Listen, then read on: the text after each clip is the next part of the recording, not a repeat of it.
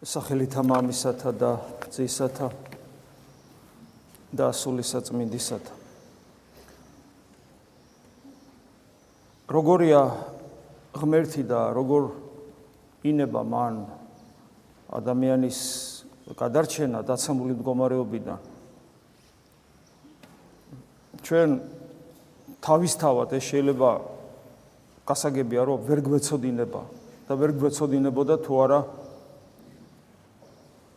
თავად ღმერთი რომ მოვიდოდა რა, მოვიდა რა ღმერთი თავად და მან გვითხრა და მას რომ არ ეთქვა ეს იქნებოდა შეუძლებელი როგორც იონე მოციქული ამბობს ღმერთი არავის უხილავს არამედ ძე რომელიც იყო წიახთა მამისათა მოვიდა რა მან გვითხრა თვით სამყაროს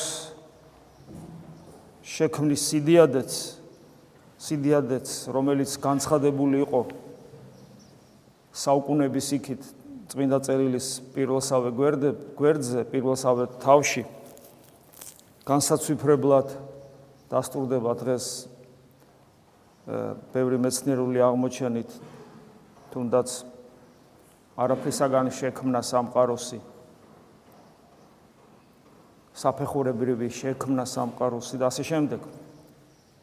ამ თემას ახლა არ ჩავუმავდებით უბრალოდ სამყაროსთან დაკავშირებით ყოველ შემთხვევაში რაღაცის მიგნება მაინც შეგვიძლია, მაგრამ ღმერთის შესახებ ჩვენ და შესაბამისად დასტურდება, რომ ის რაც წერია წმინდა წერილში ღვთის გამოცხადებით სწორია და რაც შეეხება ღმერთთან დაკავშირებით, რა თქმა უნდა, ჩვენ არ შეგვიძლია ჩვენით მივხვდეთ რაიმეს, იმიტომ რომ ღმერთი ტრანსცენდენტულია და ჩვენი შესაძლებლობები ფრიად შეზღუდულია იმისათვის, რომ მას მივწუდეთ და რაიმე გავიგოთ თუ თვითონ არ განაცხადა. და ეს ეხება კიდევ მეორებ ჩვენი გადარჩენის საქმეს. თუ როგორ როგორ ინება ჩვენ ღმერთმა ჩვენი გადარჩენა დავეცით რა, უარყავით რა ჩვენი თავისუფალი არჩევანით ღმერთი. ძეხვთვისას განკაცება ისეთი საიდუმლოება, რომელიც არანაირ ლოგიკაში არ ჯდება, ჩვენთვის ეს აბსოლუტურად მიუწვდომელია. მაგრამ ერთი რამე ვიცით, რომ სულიწმინდა მოვიდა ყოვლადწმინდა მარიამზე, მესამე პირი, მესამე ჰიპოსტასი ყოვლადწმინდა სამებისა და აქაც ჩანს, რომ აა არა მარტო შიდა ცხოვრებაში აქვს ურთიერთობა ყოვლადწმინდა სამების პირებს, ღმერთი ერთია, მაგრამ პიროვნულად ჰიპოსტასურად სამი და შიდა ცხოვრებაში სამ სამი პირია ღმერთისა, რომელთა რომლებიც ერთმანეთისგან განსხვავდებიან პიროვნული თვისებებით, მაგრამ ბუნები და არსით ერთდაიგივენი არიან და შიდა ურთიერთობა აქტის უმდიდრესი ურთიერთობა, რომელიც სიყვარულად იწოდება. მაგრამ მათი თანამშრომლობას, მათ თანამშრომლობას ხედავთ ჩვენ სამყაროს შემოქმედებაში და ადამიანის გადარჩენაშიც. მაგალითად გეციმანის ბაღში როგორი დიალოგია ძესა და როგორი ну ჩვენ მონოლოგი გვესმის მაგრამ იქ არსობრივად დიალოგია ძესა და მამას შორის. სხვა შემთხვევებია როცა მამისგან არის ხმა და თქვათ ასევე როგორი ურთიერთობა არის ძესა და სულიწმინდა ღმერთ შორის. თვით ღვთის განკაცებაში როდესაც სულიწმინდის მიერ ხდება ძე ღმერთის განკაცება სულიწმინდის სულიწმინდასთან თანამშრომლობით იწყებს მოღვაწეობას თავისი ადამიანური ბუნებით იესო ქრისტე როცა უდაბნოში გადის სულიწმინდას მიბერს მოციქულებს რომ მათ კარკული ძალაუფლება მიანიჭოს და ასე შემდეგ. და რატო ხდება ესე და რატო არის საჭირო ჩვენ ამას მაინც ვერ ჩავწდებით იმიტომ რომ ჩვენთვის დაფარული ცოდნა თვითონ სახელწოდება სული წმინდა ესეც უცნაურია, იმიტომ რომ ამაც სულია და ძეც სულია, საერთოდ ღმერთი სულია, როგორც უფალი ამბობს და სული თვითონ სული რას ნიშნავს ჩვენ ესეც არ ვიცით. სული ამ შემთხვევაში არის მცდელობა ადამიანურ ენაზე გამოიხატოს ღმერთის სამყაროს მიღმიერობა, ანუ ტრანსცენდენტულობა. სხვა რა არის ჩვენ ეს უბრალოდ არ ვიცით. მაგრამ ერთი რამე უდაოა, როდესაც ღმერთი განკაცდა ეს ხო საერთოდ ცალკე მიუწვდომელი რამ არის? წარმოგიდგენიათ ჩვენ წინ ხედავთ ჩვეულებრივ ადამიანს რომელსაც ჩია წყურია იღლება მისი მოკოლას კი შეიძლება თურმე რაც ჩვენ წარმატებით გავაკეთეთ ადამიანებმა მაგრამ აი ეს იგივე ეს ადამიანი რომელსაც რომელიც გარკვეული ისტორიულ ეპოქაში მოსული და გარკვეული კვალი დაამჩნია ხო სამყაროს? თავისი სიტყვით, თავისი საქმეებით, თავის დანატოვარით ადამიანურად ვამბობ. მოწაფეებით, რომ ეკლესია რომ დაარსა, ეს უკვე მისტიკაა. მაგრამ პიროვნულად ეს ადამიანი, ადამიანი არ არის. პიროვნულად ეს ადამიანი არის ის, აი, ვინც სამყაროს შექმნა. ხო, აი წარმოიდგინეთ. მაგრამ ამაში დაჯერებულობა, ხო, ადამიანს ლოგიკურად არ შეუძლია, ამიტომ პავლე მოციქული ამას რელიგიური ადამიანისათვის აი ამგვარ წმენას სისულელესაც უწოდებს.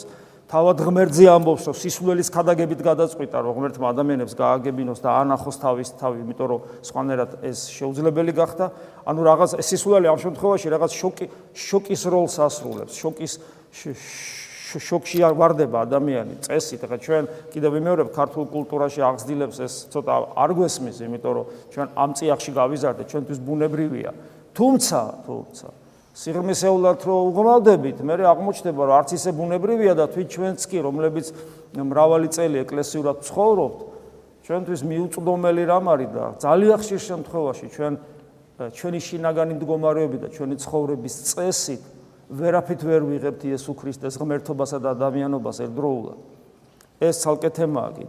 მაგრამ აი თვითონ ის რწმენა იესო ქრისტეს ღმერთობისა უფალე პიტაპრი გვასწავლის თუ გწამს რომ იესო ქრისტე ცოცხალი ღმერთის ცოცხალი ძიარი და სამყარო შემოქმედია იცოდო რომ мама შენახები შენს გულზე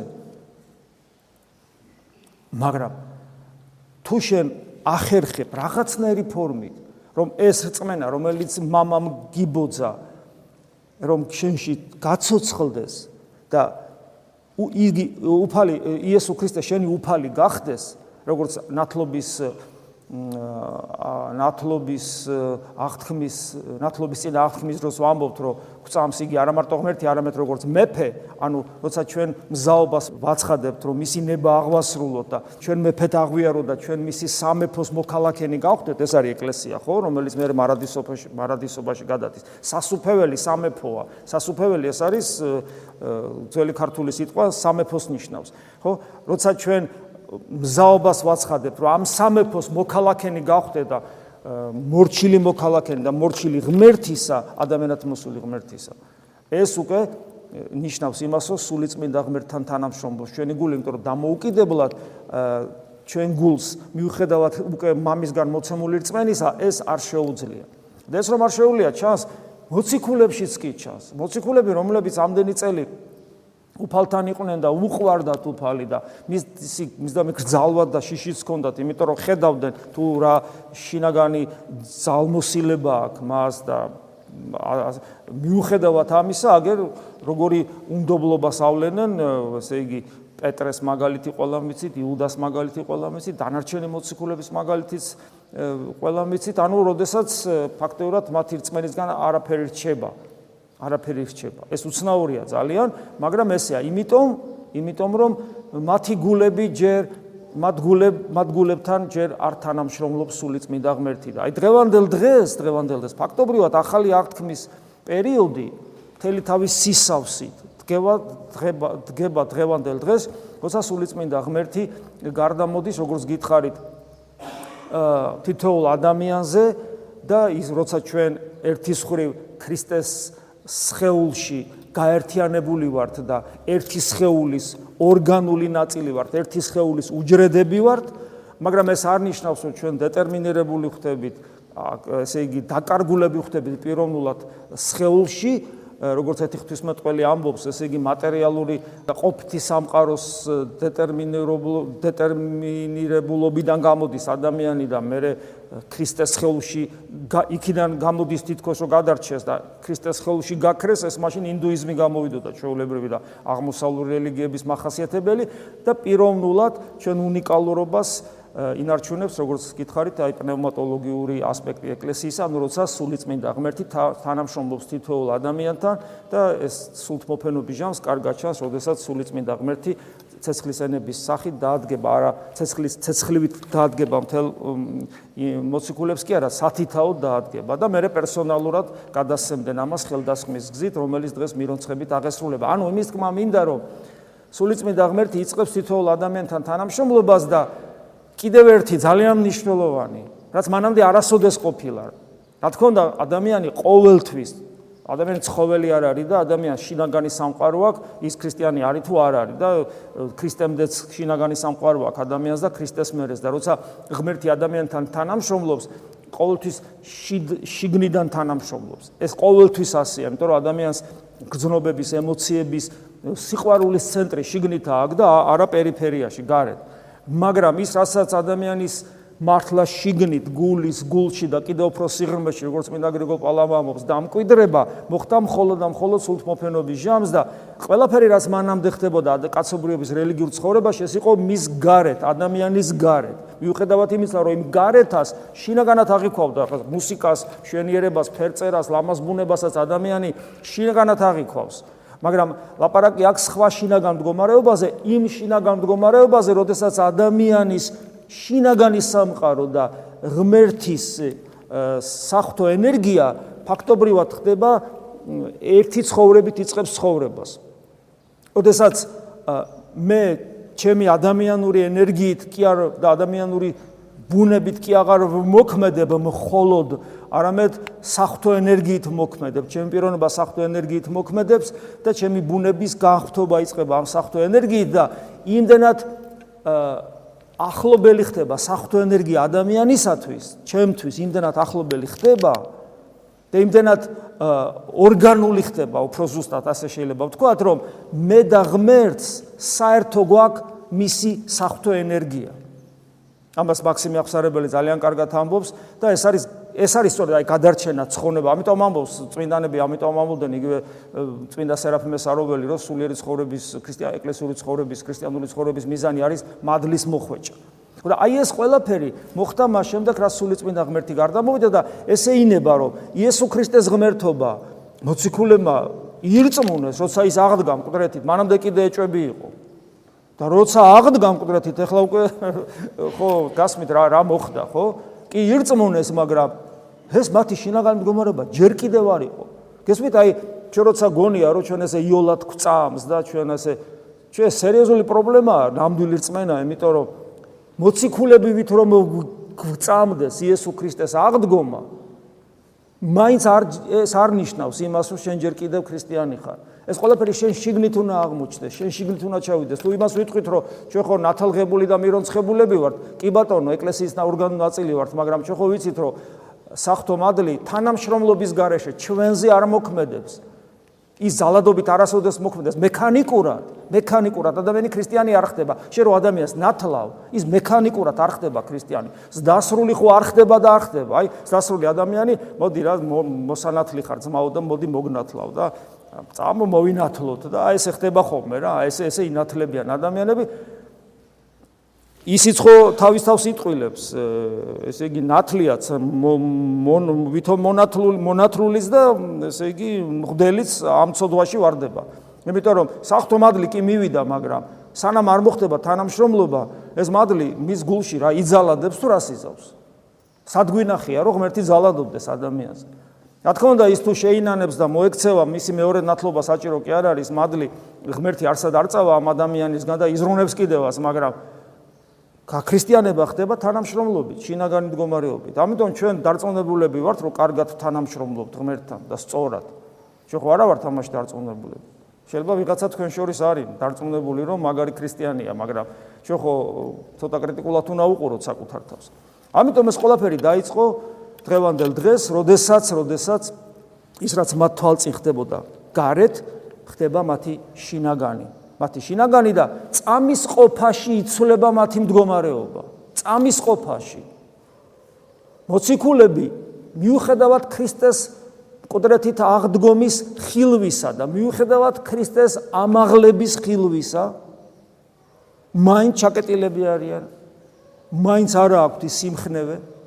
და ესე იგი ამაღლების წინ ამაღლების წინ ისევ იმაზე ელაპარაკებიან შენ სამეფოს მიწაზე როდის დაამყარებ და უფალი ქუქემ კაცრად მანამდე პედაგოგიურად ეუნებოდა რომ არავინ იცის მეც კი არ ვიცი ეუნებოდა რომ ესე იგი დაეშოშმინებინა მათი არა ჯანსაღიცნობის მოყარეობა ხოლო ამაღლების წინ პირდაპირ კაცრად ეუნება ეგ თქვენი საქმე არ არის აი ეს არის. ანუ ისევ მიწაზე არიან, ისევ ვერ წდებიან მიწას და ჩვენი თავი გავიხსენოთ, ჩვენი რელიგიურობა, ჩვენი სულიერი ცხოვრება გავიხსენოთ. ჩვენ რა მოწყოტილები ვართ მიწას?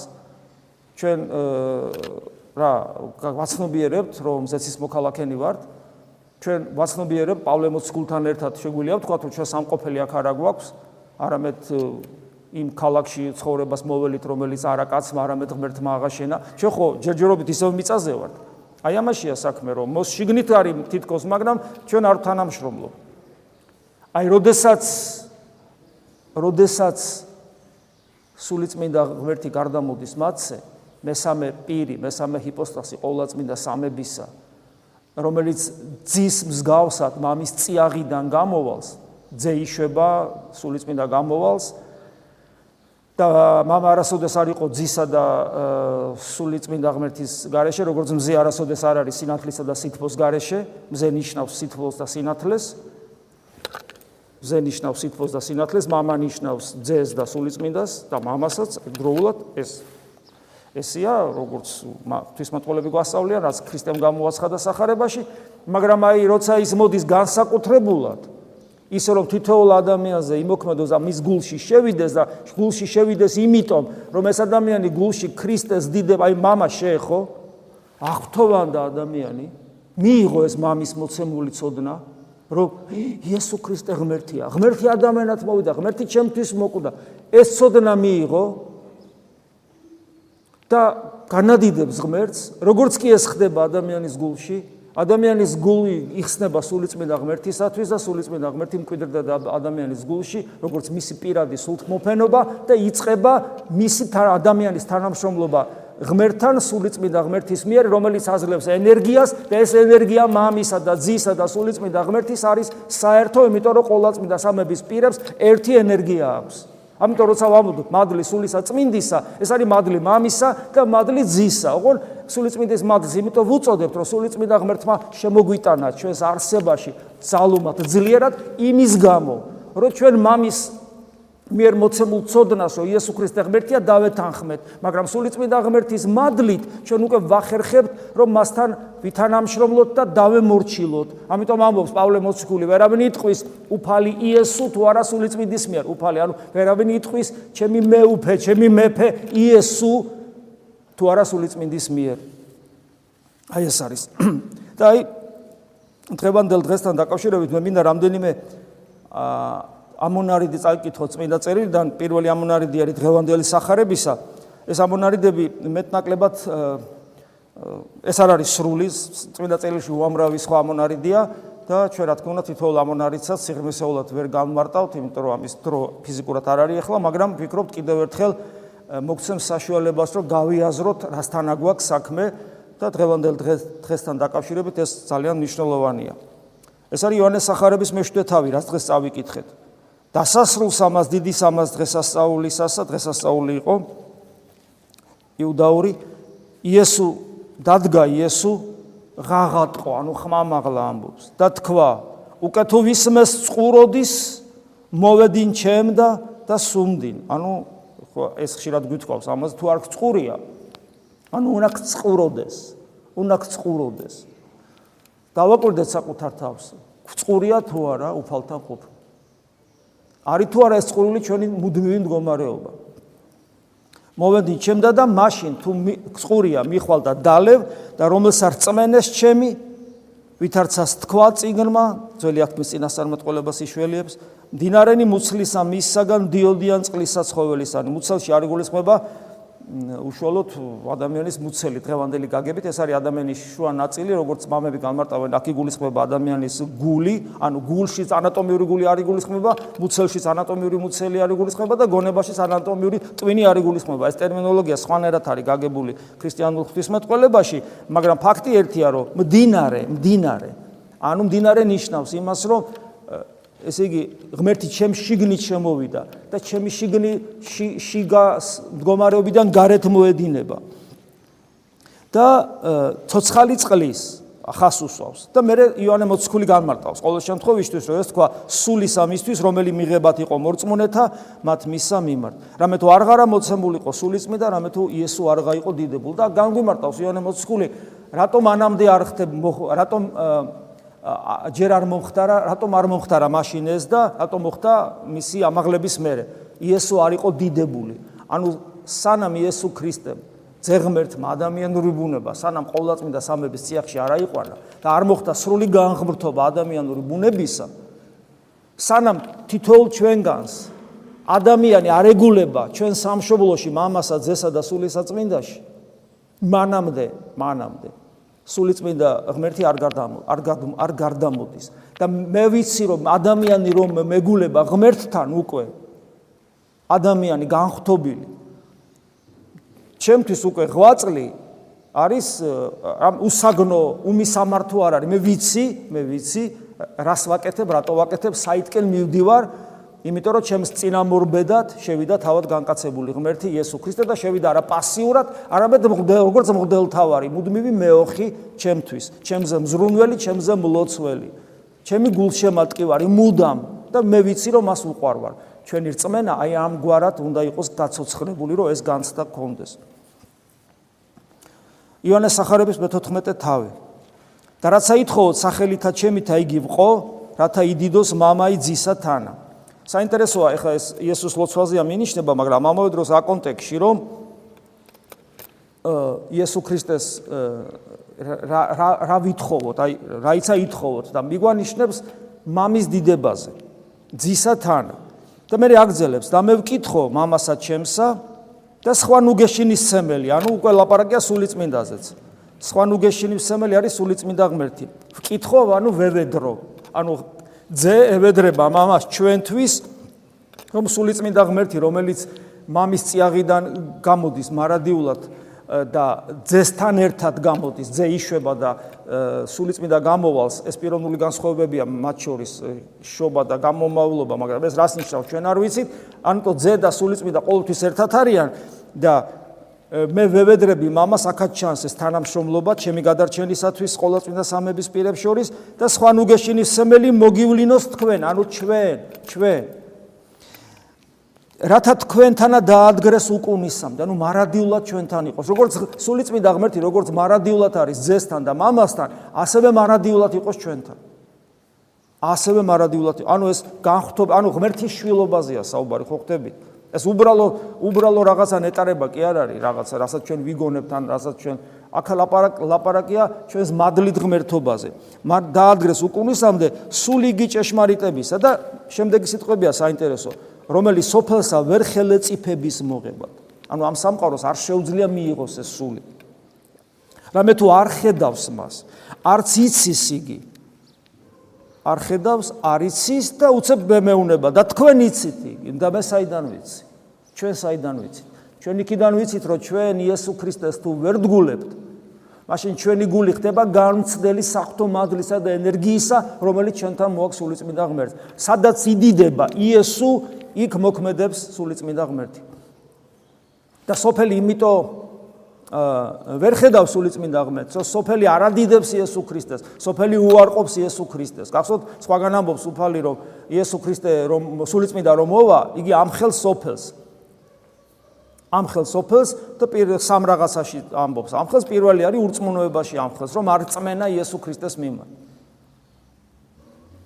აი ეს არის ამხილება რას ნიშნავს? ხილება ნიშნავს, რომ მე იქ მიდის უკვე სასჯელამდე, სასჯელისათვის. ამე თუ ისჯება დაცემული ანგელოზი და მასთან ერთად ის ადამიანი, რომელიც დაცემულ ანგელოზის მდგომარეობას ატარებს, სიამაყით, ამპარტავნებით, ეგოიზმით და ასე შემდეგ.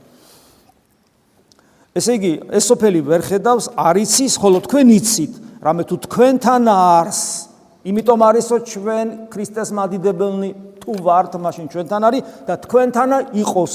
არა მარტო არის არამედ იყოს. ხოლო ნუგეშინის სემელიგი სული წმინდა რომელიც მოავლინოს სახელითა ჩემითა მამამან მან გასწავლოთ თქვენ ყოველი და მოგახსენოთ ყოველი რაოდენი გარქუ თქვენ.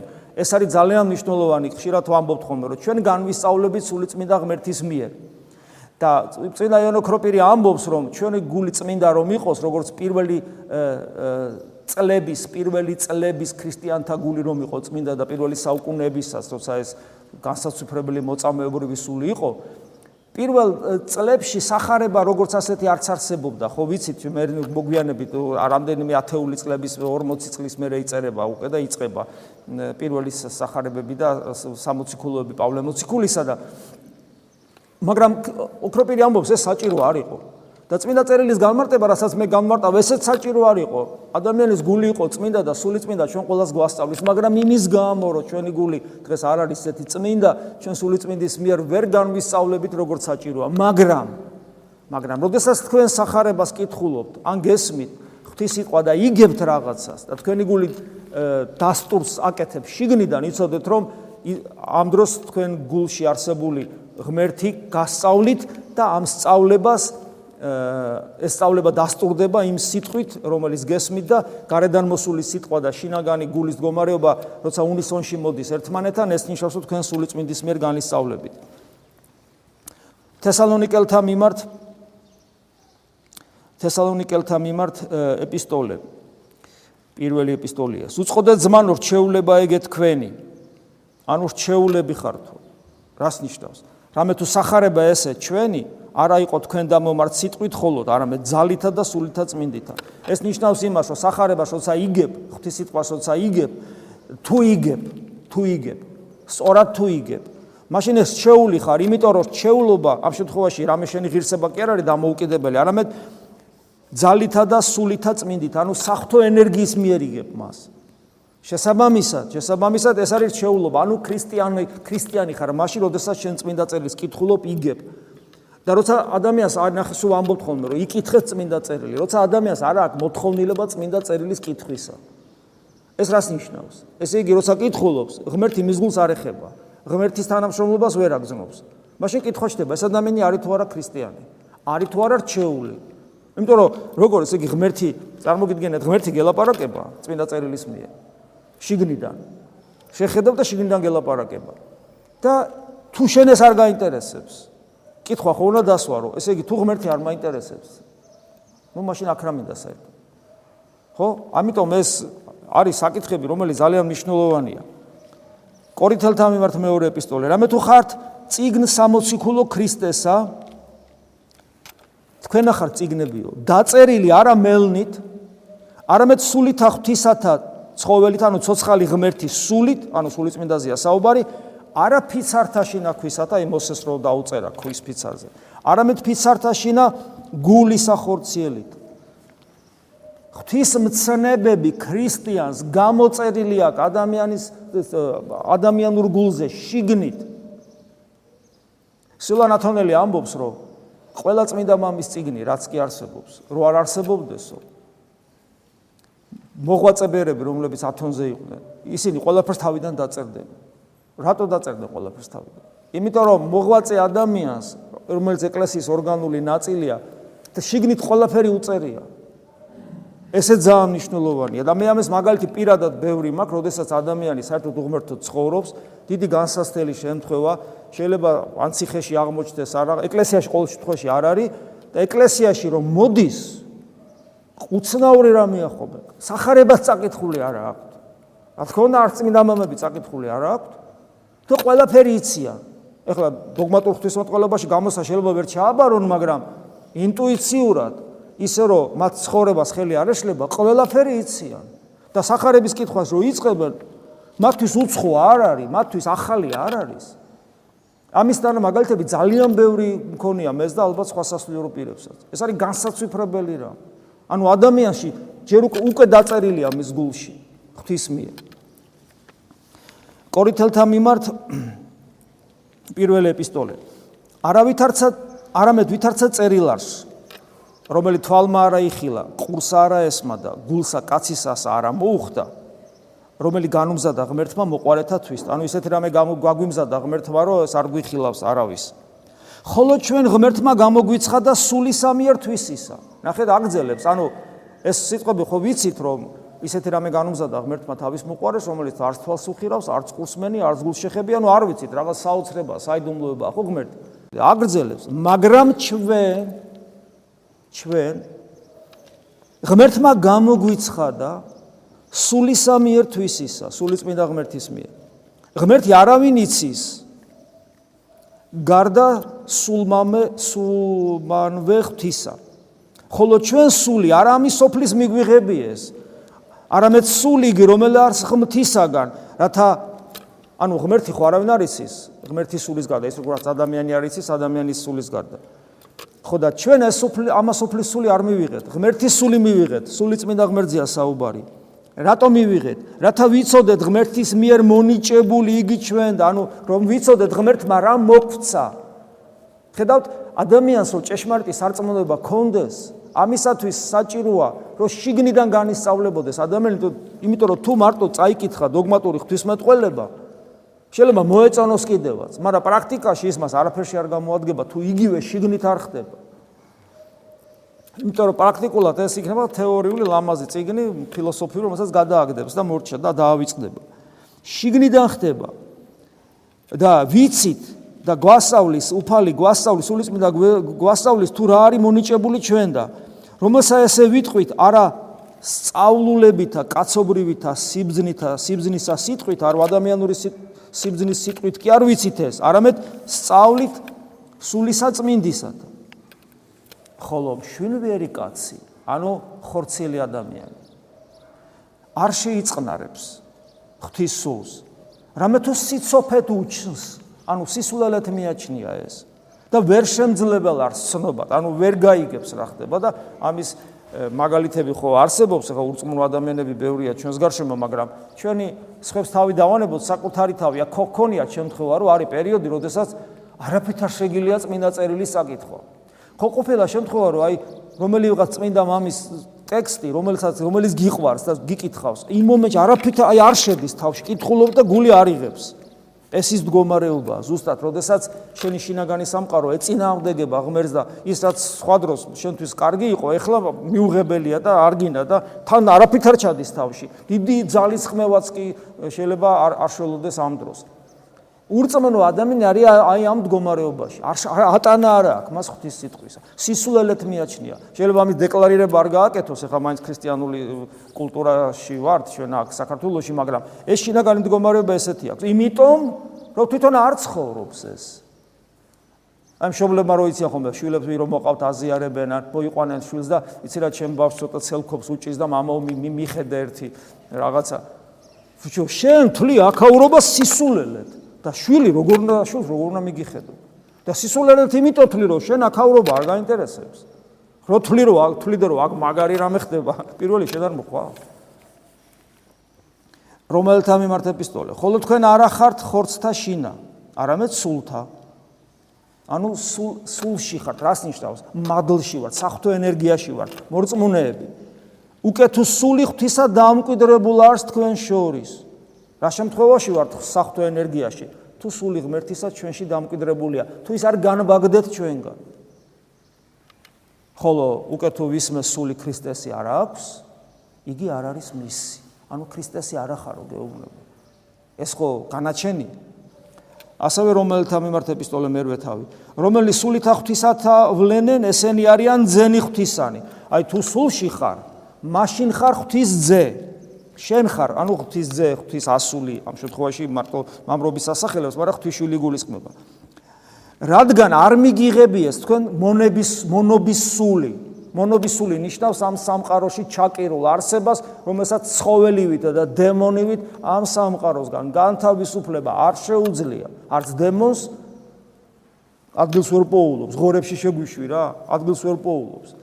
და ასევე ადამიანს არ შეუძლია. არც ხორცით ხო აქ აქჩები და არც სულით არ შეგვიძლია იმიტომ რომ ეს ტრანსცენდენტული ყოფიერება ჩვენთვის დაკეტილია თუ ღმერთთან ერთობაში არა ვართ და ესე იგი ეს ეს არის მონობის სული. მონობა მაინდამაინც იმას კი არნიშნავს რომ დეკლარირებული ან რაღაც გაფორმებული მონა იყო ვიღაცის მონობა ეს არის თავისუფლება არა გაქვს და ესე იგი ეს სული არ მიგვიღიაო ჩვენო არამედ მიგვიღებია სული შვილებისა ღმერთის შვილი თავისუფალია. თუ ღმერთის შვილი არ ახარ, თავისუფალი არ ახარ. ღმერთი სული მიგვიღებიეს ღმერთის შვილებისა, რომლითაც ვღაღადებთ აბა მამაო. აი ნახეთ, მამაო ჩვენოს კიდევ ერთი ხედვა. როცა ადამიანი მამაო ჩვენოს ამბობს, არა ამ სულით, როცა ღვთის სულში იმყოფება, არამედ უბრალოდ მექანიკურად, არაფერს ნიშნავს. არაფერს ნიშნავს ეს. იმიტომ რომ თუ საღვთო სულით ამბობ, მაშინ საფრთხოსული გალაპარაკებს, იმიტომ რომ კიდევ ერთხელ ვიმეორებ, რაც ეგან გითხარით, შენ უბრალოდ მოკვდავ ადამიანს და სამყაროს შემოქმედს თავის სიდიადით საშინელ ღმერთს ერთი და იგივე ენერგია გაქვთ, საფრთხო ენერგია, საფრთხო მადლი. და აი ამ სულით გასწავლის და გზდის და გაძლევს ძალაუფლებას, როგორც იონე მოციქული ამბობს, რომ ღვთისშვილად იწოდებოდა და მას უთხრა მამაო და თან როგორ ამბობს, აბა მამაო, აი ესე იგი, მამაო დაწერა ბერძნულად პავლემ და აბა დაწერა ებრაულად და აი რაღაც სითბო შემატა. სითბო შემატა თავის სიტყვას, იმიტომ რომ ეს ცივი მამა კი არა, აი როგორც მამიკო რაღაცა ესეთი, აი ეს ესეთი მამილო მამიკო რაღაც ესეთი სითბოთია ნათქვამი. იგივე სული ეწამების სულს ამას ჩვენსა იგივე სახ იგივე სული წმინდაზე საუბრობს რომელიც იმ სულში რომელშიც ვიმყოფებით ეს სული ეწამების ანუ უმოწმებს. უმ აი როგორც რაღაცას კი არ უმტკიცებს უმოწმებს. ანუ რეალობას განაცდევინებს ჩვენ სულს. უმოწმებს ჩვენ სულს რომ ვართ შვილნი ღვთისანი. ანუ ღვთისშვილობა ინტელექტუალური მიხვედრილობა კი არ არის, ღვთისმშობლობა არის ისევ ღმერთის მიერ დამოწმებული ჩვენში, განცდა იმისა. არა დამტკიცება ლოგიკური, არამედ განცდა, რომ ღმერთის შვილი ვარ. ღმერთის შვილი ვარ. რა თქმა უნდა მიხარია და ამიტომაც ამბობს პავლე მოციქული მარადის გიხარობდნენ და როცა ყურები ჩამოყრილები გვაქვს როცა ესე იგი ნაღლიანები ვართ როცა არ გიხარია როცა როცა დამწუხრებულები ვართ როცა უიმედოთ ვართ როცა იმ მომენტში ჩვენ ღმერთის შვილი რას ღმერთის შვილს გავარ იმ დროს მე არ ავგავარ ღმერთის შულს. სხვა დროსაც, როცა ვრისხანებ, როცა სასწარკვეთილებაში ვარ, როცა რაღაც ცხოველური ბნება შემეთყრობს, როცა ანგარება, როცა სიამაყე, და როცა მოწყენილობა და როცა წუხარება, როცა ბოღმა და სიძულვილი და ასე შემდეგ და უპატიებლობა ღმერთიშვილს როგორ გავა? ღმერთიშვილი წარმოგიდგენიათ ეს განცდა რომ მოვიდეს მართლა სისავსით, რა დიცულოვანი იქნები ადამიანი. და რა მადლიერი, და რა თავდაბალი. ну ფაქტურად ქრისტეს გავხარ ამ დროს. ოთაშორის ქრისტიანობა ქვია რა ჩვენ ქრისტიანები, ცხებულობას ნიშნავს. თვითონ ეს სიტყვაც ცხებულობა სულიწმიდის მადლის ჩვენში მყოფობას ნიშნავს. როცა შენ ამბობ რომ შენ ხარ ქრისტიანი საფრთხო მადლით ცხებული ხარ ანუ საფრთხო მადლია შენში. რამე თუ ეს ხა ლუკას სახარებაში რამე თუ ხა თქვენ ხართ მოწამე ამას ყოვლისა ამაღლების წინ ეუნება რაც მოხდა თქვენ ამის მოწამე იქნებით ეუნება მოწაფეებს ამით ჩვენ იმიტომ რომ მოწაფე თქვენ მოწაფენი ჩემნი ხართ ეუნება ყველას და ჩვენ მოწმე ხართ. ანუ მე უნდა ვიყო მოწმე რაც მოხდა. ჩემი რწმენით უნდა ვიყო მოწმე და აჰა ესე რა მე მოგივლინო თქვენ აღთქმა იგი მამისა ჩემისა ყლავსული წმინდა ღმერთზე საუბრობს ხოლო თქვენ დასხედით ქალაქს ამას შინა იერუსალიმსა აღთქმას მაძლევს მე ვარ მოწმე მე მწამს რომ იესო ქრისტე არის ღმერთი როგორც გითხარით мама ჩემ გულს შეეხო და მე ეს მივიღე როგორც მოციქულმა მივიღე ჯერ იმიტომ რომ მოციქულები ჯერ სულიწმინდის გარეშე იყვნენ და მიიღეს რომ იესო ქრისტე არის ძე ღვთისა ეს მიიღეს მე მისი ცხოვრების მოწმე იყვნენ და რადგან მე მწამს რომ ის ესე იგი ძე ღვთისა ამიტომ მწამს რაც ახარებაში არის აღწერილი და ეს მამის მიერ მოცემულია ეს რწმენა აი ამის მერე, ამის მერე. უფალი მეუნება რომ მე მოგივლენ აღთქმას მამ ჩემი მამის მიერ ეს აღთქმა სულიწმინდაზე საუბრობს და ამ აღთქმის მისაღებად მე აგძელებს დასხედით ქალაქს ამაშინა იერუსალემსა და როგორც გიხშირად გეუბნებით ეს იერუსალიმი ჩვენ შემთხვევაში არის ჩვენი შინაგანი სამყარო გული და დასხედით ანუ რას ნიშნავს დასხედით? ანუ მყუდროთ იყავით შიგნით და ვიდრემდე სანამ სადამდე ვიყო შიგნით. სანამ ვიდრემდე შეიმოსოთ ძალი მაღლით. ეს არის სწორედ მინიშნება კიდევ ერთხელ შინაგან ცხოვრებაზე ისიქასტურ პრაქტიკაზე როცა ჩვენ გულში რაც შეიძლება ხშირად უნდა ვიყოთ რომ შევიმოსოთ ის ძალმოსილება რასაც სულიწმინდა ღმერთი გვაძლევს. საქმე მოციქულთას და არის ეს ამონარიდი არა თქვენი არცნობა რაც წეგან გითხარით. ჟამთა და წელთა როცა ისე ამაღლების წინ მიწიერი საკითხები აინტერესებთ არამედ მოიღოთ ძალი მოსვლას ასული საწმინდისასა თქვენზე და იგივე საუბნება. და როგორც კი ეს ძალა მოვა ჩვენში სულიწმინდა ღმერთი დამკვიდება ჩვენში მე ჩვენ აქტიურ ფაზაში გადავდივართ. იყვნეთ ჩემ და მოწამე. აქ ისევ იერუსალიმს ახსენებს ეს ნიშნავს იმას რომ პირველ რიგში საკუთარ თავში უნდა გამყარდე საკუთარ იერუსალიმში გულში რომ იესო ქრისტე ღმერთია და საფრთხომადლის მოქმედება რომ არის ეს და არა შენი ფანტაზიები და მე და ვიდრე დასასრულამდე ქვეყნისა აქ უკვე არის ეს მისიონერული დავალება მუხტი რომელიც ეკლესიას ზოგადად აქვს და რა თქმა უნდა იმის დამიხედვით თითოეულ ადამიანს რისი ნიჭიც მისაღმერთმა და რისი ვალდებულებას პირველ რიგში რა თქმა უნდა ეპისკოპოსებს და მღვდლებს. კორინთელთა მიმართ ეპისტოლე უצყით არამე თუ ტაზარნი ღვთისანი ხართ და სული ღვთისა დამკვიდრებულ არს თქვენ შორის კიდევ ერთხელ გავიხსენოთ ეს. არ გვაწყენს რომ ჩვენ უბრალოდ ხორცი კი არა გვაქვს რომელსაც როგორც გინდა ისე მოვექცევით რასაც გინდა იმას უზავ და რა ვნებას გინდა იმას დაუქვემდებარებთ არამედ ხორცი გვაქვს იმისათვის რომ დამკვიდრდეს მასში ღმერთი. ამიტომ კიდევ ერთხელ ტაძარნი ღვთისანი ხართ. სული ღვთისა დამკვიდრებულ არს თქვენ შორის და პავლე მოციქული მე საკოლ კაცრად ამბობს. ვინც ეს ხორცის ტაძარი გახრწნას გაღწნა იგი ღმერთმან. და ეს ხორცის ტაძარი ამბობს პავლე მოციქული აღემატება ქვის ტაძარს. და ჩვენ ესე ვართ ხოლმე რომ ქვის ტაძარს ვეფოფინებით და ვიამბორებით და სწორე ვიქცევით მაგრამ ჩვენ საკუთარ ტაძარს ესე იგი სხვადასხვა ცხოველური ვნებებით ვრყვნით. და ტიმოთეს მიმართ ეპისტოლე მეორე არა მოგცა ჩვენ ღმერთმა სული მოშიშებისა არამედ ძლიერ აი ნახეთ ეს სული რომელიც ჩვენში შემოდის ეს ხო ეს სული ხო ღმერთს გვამსგავსებს და როგორია ახლა ეს სული? არა მოშიშებისა ხაზგასმის ამბობს. შიშა შეიძლება ადამიანი შიშარა იყოს სულ მოკლე იყოს ხვალინდელი დღეს ეშინოდეს უიმედოთ იყოს დეპრესიაში იყოს და ასე შემდეგ მოწყენილი იყოს. არ მოგცა ჩვენ ღმერთმა სული მოშიშების არამედ ძლიერებისა და ადამიანს რო არ ეგონოს რომ ეს ძლიერება სხვების დასაჩაგრავად არის, მე რეაგზელებს სიყვარულის და შემდგომ რომ ძლიერება და სიყვარული კარგია ეს ყველაფერი, მაგრამ შენი პირადი ცხოვრებას რომ მნიშვნელოვანია და აგზელებს სიწმინდის. ასე იგი სული წმინდა თუ არის ჩვენში ჩვენ უნდა ვიყოთ ძლიერნი, კონდეს სიყვარულის უნარი და ვიყოთ წმინდანი, ღვთით.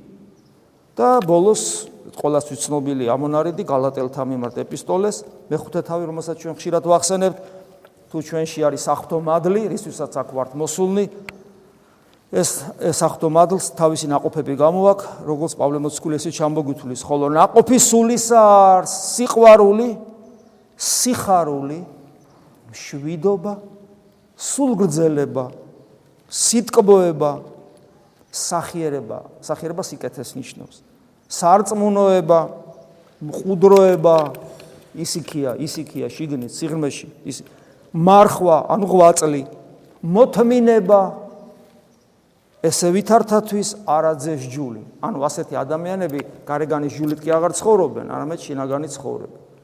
აი ეს არის დღევანდელი დღის დღევანდელი დღის არსი, რაც ჩვენ უნდა ავიღოთ, გავითავისოთ შევითკბოთ და შესაბამისად ვიცხოვროთ.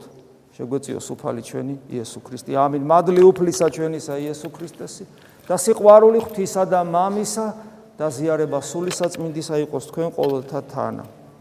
ამინ.